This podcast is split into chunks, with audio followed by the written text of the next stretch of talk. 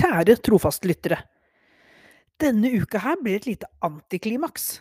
Eh, Irma og jeg vi satt oss i studio på mandag, spilte inn en drøy time, bare for å finne ut at når vi kom hjem og skulle lytte til det hele, så var det så, sånn fæl, skrikende lyd under store deler av episoden. Litt sånn robotaktig. Eh, tenk Stephen Hawking med virus. Det var lydkvaliteten vi hadde. Eh, og det kan vi rett og slett ikke sende ut.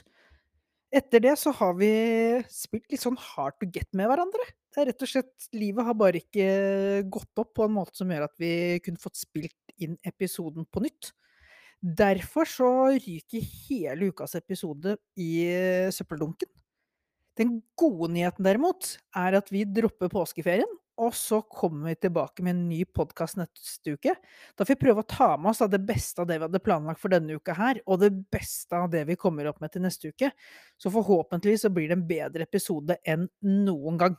Vi håper i hvert fall at dere vil lytte da, og for at dere ikke skal gå helt fullstendig tomhendt eh, fra denne uka, så har vi med en veldig, veldig kort eh, historie som eh, vi fikk med med OK lyd. Så dere får en bitte liten historie som eh, en slags liten teaser, en liten greie som uh, gjør at dere får noe, i hvert fall denne uka. Og så håper vi for all del at dere er med oss igjen neste uke. Tusen hjertelig takk for at dere lytter.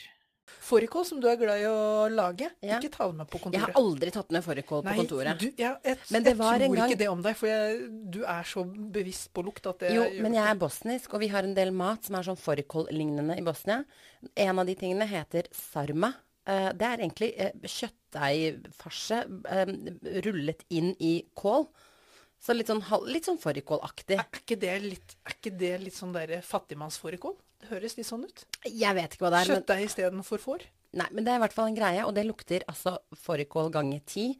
Og det var en gang da jeg var yngre, så hadde jo ikke jeg og venninnene mine som skulle til Bosnia sammen på sommeren, vi hadde jo ikke råd til flybillett.